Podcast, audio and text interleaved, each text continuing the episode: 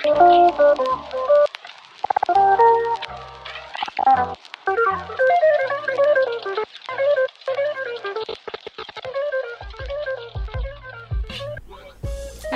Halo. Halo, apa kabar? Balik lagi. sama kita di nonton lakon.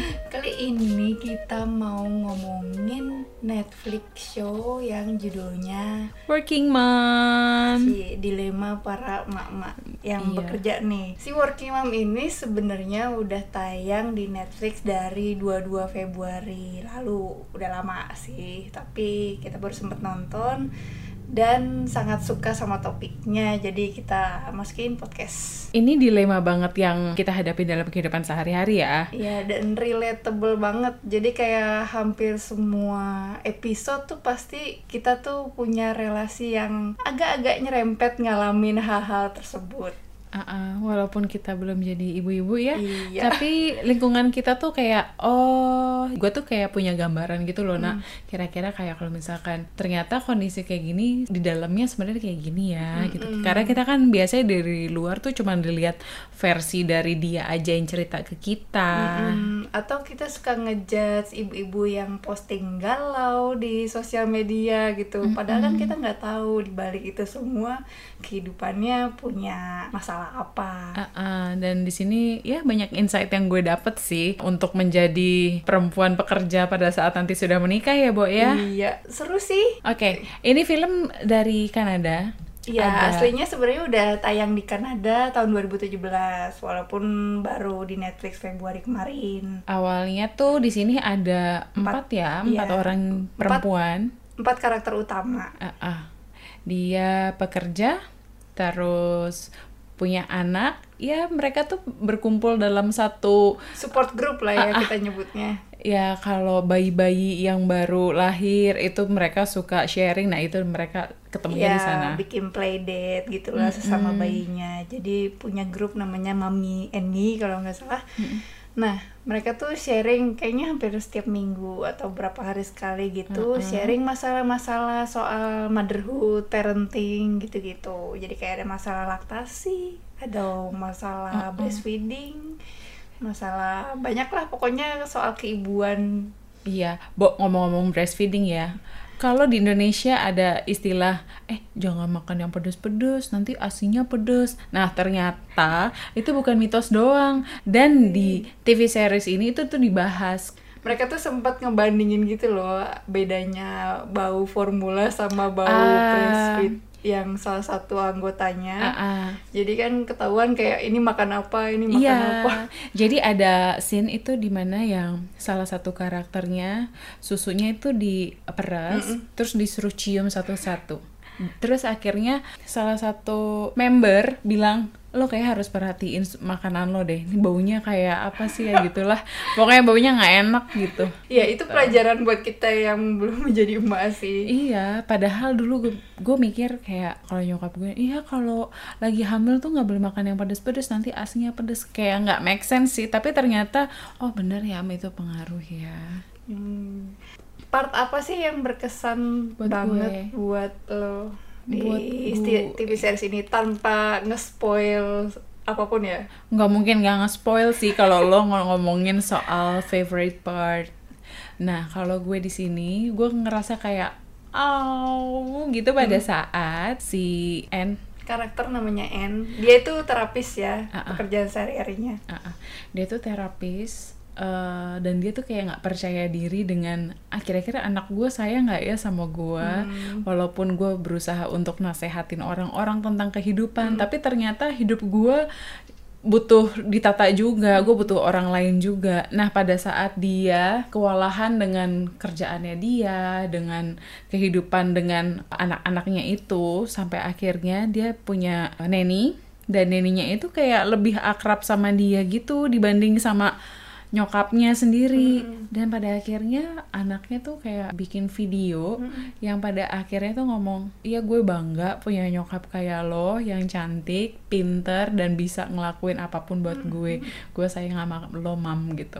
Terus langsung oh, dan dia langsung nangis dan kayak padahal hampir sepanjang cerita si N ini dia struggle banget ya untuk deket sama anaknya. Kayak Uh-uh. ngerasa awkward gitu. Mau ngajak ngomong takut anaknya malu pokoknya PDKT-nya agak susah. Waktu anaknya ngasih ucapan selamat cepat sembuh aja dia curhat loh sama temennya. Bo gue dibikinin kartu sama anak gue. Terus yang kayak oh bagus dong. Tapi dia bilang dia kayak bingung gitu gue harus ngapain ya? Padahal dia psikolog loh. Mm-mm. terapis untuk ya biasa tempat orang curhat harusnya seperti apa harusnya kan ngerti ya.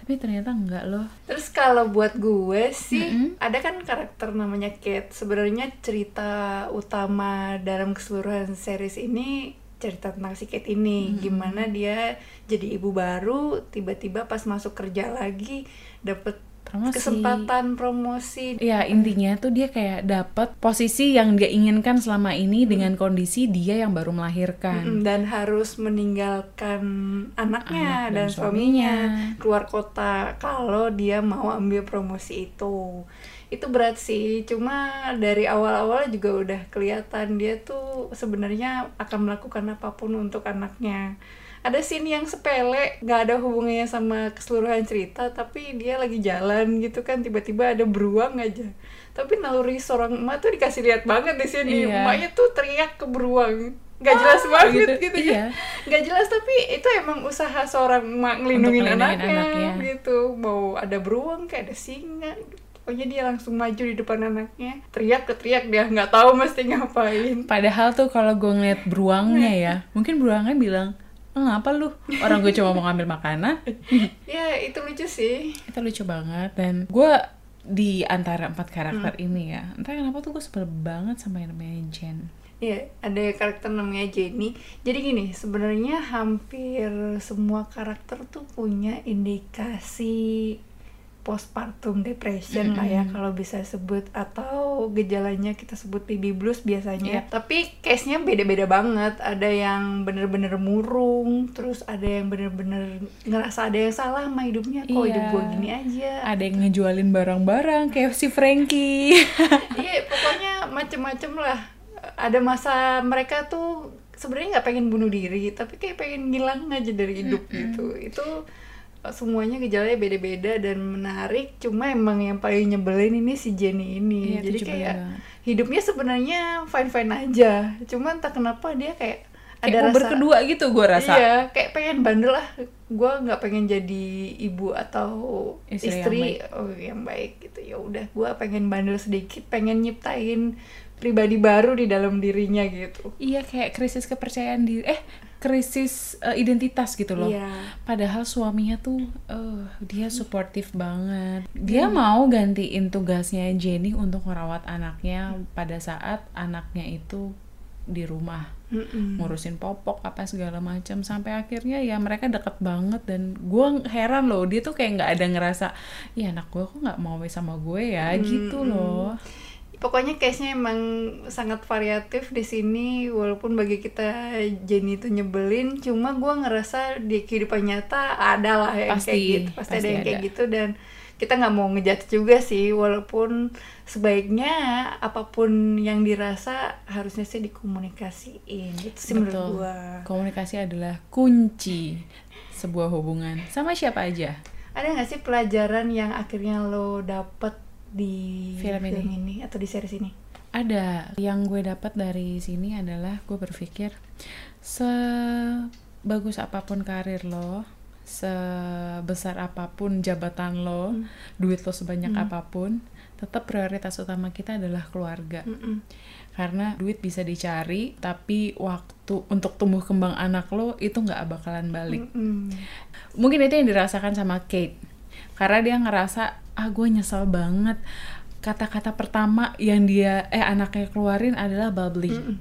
Dan dia nggak denger itu. Mm-mm. itu gue ngerasa sedih banget. Gue ngerasa bo gue punya duit banyak karir gue bagus tapi gue nggak bisa ngeliat tumbuh kembang anak gue gue nggak bisa denger first wordnya dia. Terus kayak hati gue hancur gitu sih. Pasti gue juga nangis kayak di film itu. Iya. makanya ya balik lagi. Bukan yang nggak boleh berkarir ya. Karir boleh tapi balik lagi prioritas kita kalau udah jadi ibu kan anak gitu sih untuk sebagian ibu-ibu di luar sana juga pasti pengennya punya kerjaan juga. Jadi misalkan mereka udah ngebayangin nih jadi ibu rumah tangga aku bakal bosan Iya. lah di rumah segala macam gue pengennya kerja aja menghasilkan uang yang lumayan. Toh buat keluarga juga. That's fine sebenarnya menurut gue tapi itu harus bener-bener diomongin harusnya nggak ke suami doang sih menurut gua. Mm-mm. kalau bisa orang-orang yang suportif di sekelilingnya diajak ngobrol juga. Jadi ada solusi atau gimana pokoknya pencerahan yang bisa diomongin sama keluarga sendiri. Itu sih menurut gua lebih penting juga. Jadi kerja atau enggak pilihannya apa pun mau kerja mau di rumah mau istrinya kerja tapi suaminya di rumah apa pun keputusannya sih menurut gua yang penting Iya. diomongin kalau sampai akhirnya mendem gitu sedikit aja kayak gua harus kerja nih kayak si Jenny pada dasarnya kan dia sebenarnya nggak mau mau kerja. dia nggak mau kerja tapi karena situasi gitu kan ada yang harus nyari duit yang settle yang duitnya stabil gitu dan dia harus terpaksa kerja cuma nggak nikmatin akhirnya gitu. Ini ngebatin beb. Mm-mm, Mm-mm. ngebatin terus akhirnya nyari sesuatu yang pengennya dia banget gitu. Jadi ya kayak gitu-gitu tuh harus diomongin banget sih sama pasangan atau keluarga. Balik lagi jadi menurut lo pesan moral dari film ini Mm-mm. adalah komunikasi, yang lancar. iya kerja ataupun tidak ru- ibu rumah tangga ataupun bapak rumah tangga terserah you do you. Iyalah kumaha orang Iya. ya. tapi ya lo yang paling suka siapa di sini? Di antara empat cewek-cewek ini? Ya karakternya kan ada empat Ah, ah. ada Kate Anne Jenny sama Frankie.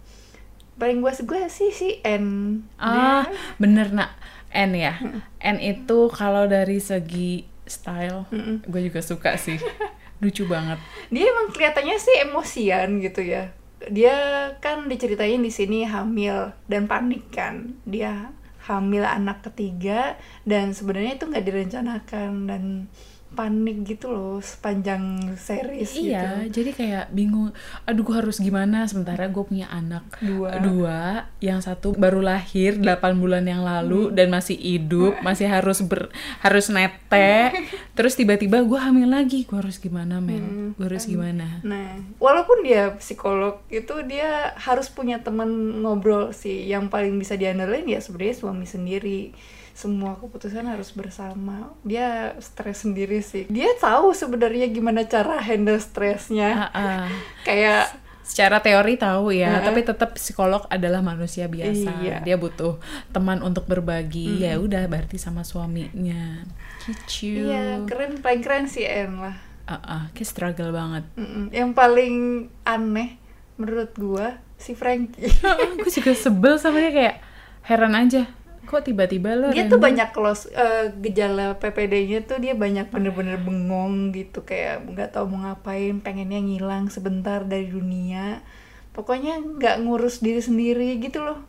Ada scene ya di mana si Frankie itu lagi mandiin anak terus tiba-tiba dia tenggelam menenggelamkan diri dia dalam bathtub bersama anaknya. Mm-mm. untung ketahuan sama si Si pasangannya. Heeh, dan dia itu emang sebenarnya nggak sengaja. Cuma kayak tetap di dalam diri tuh ada niat pengen ngilang dari dunia sebentar aja. Dan ya tapi untuk para pendengar podcast ini yang mungkin berencana punya anak atau sekarang sudah punya anak dan ngerasa apa ya ada rasa-rasa cemas atau rasa-rasa punya kecenderungan benci diri sendiri atau benci lingkungan eh, saran kita sih ajak ngobrol seseorang deh entah siapa bukannya kita ahli dalam hal ini ya justru kita nggak ahli tapi menurut gue Iya, kalian lo harus cari teman-teman untuk ngobrol.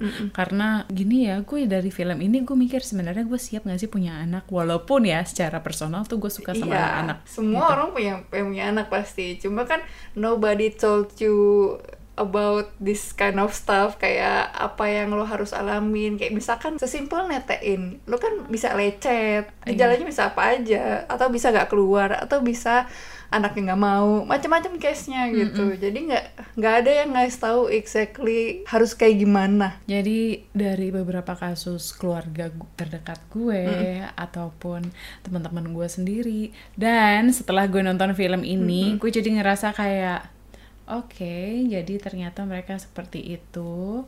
Jadi mungkin gue harus lebih banyak toleransi ke ibu-ibu muda atau ibu-ibu ya yang jelas sering-sering diajak ngobrol lah teman-teman kita yang se seperibuan. Apa sih? Ya sesama wanita yang Iya. sudah menjadi ibu. Jadi mungkin kita harus lebih banyak ngobrol sama dia. Karena ternyata mengerikan juga ya iya ya gue nggak ngebayangin akan seperti itu sih Iya, karena hampir semua orang pada dasarnya ngeliatin how joyful it is to be mom gitu. Ya nggak sih? gue selalu ngebayangin punya anak itu menyenangkan karena mungkin pada dasarnya gue suka anak-anak jadi gue ngerasa oh lucu ya Hmm. kalau misalkan tiap hari itu gue ketemu anak gue yang hidungnya ngikutin gue Iya, ya kasarnya dalam tanda kutip ada mainan tiap hari Iya, gitu ada loh. mainan kesannya. tiap hari. Padahal anak lu bukan mainan. Ah, ah, walaupun ya kalau kakak-kakak sepupu gue lagi pada pergi gue kebagian disuruh jatah Hmm. ngejagain mereka tapi ya tetap itu pasti ada perbedaan karena itu bukan anak gue iya. dan gue nggak berani ngejudge banyak soal cara asuh orang Iya, lain terus dan karena kita bukan emaknya, Iya. mungkin logiknya lebih tenang gitu kali ya. Ah, ah. Pembawaan kita jadi lebih tenang karena emang bukan anak kita, jadi kita nggak ada khawatiran yang gimana-gimana ya nggak sih? Iya iya benar. Jadi psikologis. jadi gue kayak kadang tuh suka sotoy. Kalau ponakan gue nangis, nyokapnya nggak bisa handle, udah nih sama lo aja. Hah, ya udah gue tuh kayak sok-sok kayak jagoan ya udah sini Iya. sama tante. Padahal ya belum tentu gitu juga. Iya, gitu. padahal belum tentu nanti gue punya anak, gue bisa bersikap setenang Iya, ini. Karena nggak ada perubahan hormon kan, perubahan fisik. Jadi ya masih mikirnya masih lempeng aja kayak ngelihat cahaya ilahi gitu loh. Oke, ya udah. Mm-mm, udah ngalur ngidulnya banyak Iya, nih. ngalur ngidulnya. Tapi kalau kita ada salah ngomongin soal emak atau keibuan di podcast ini, mohon dimaafkan ya. Salim No satu-satu. Mohon maaf, saudara-saudara. Semoga dimaafkan. Iya. Eh tapi jangan bosan ya. Minggu depan insya Allah kita bikin episode selanjutnya. Filmnya apa? Lihat aja nanti. Atau denger aja nanti. Iya. Eh udah follow Instagram gue belum sih? Kalau belum follow dong. Follow. Ada di cover podcast kita kok. Ah, Dita Driani dan At Namargi. Namargi. Iya. Oke. Sekian dulu podcast kali ini. Iya. Bye.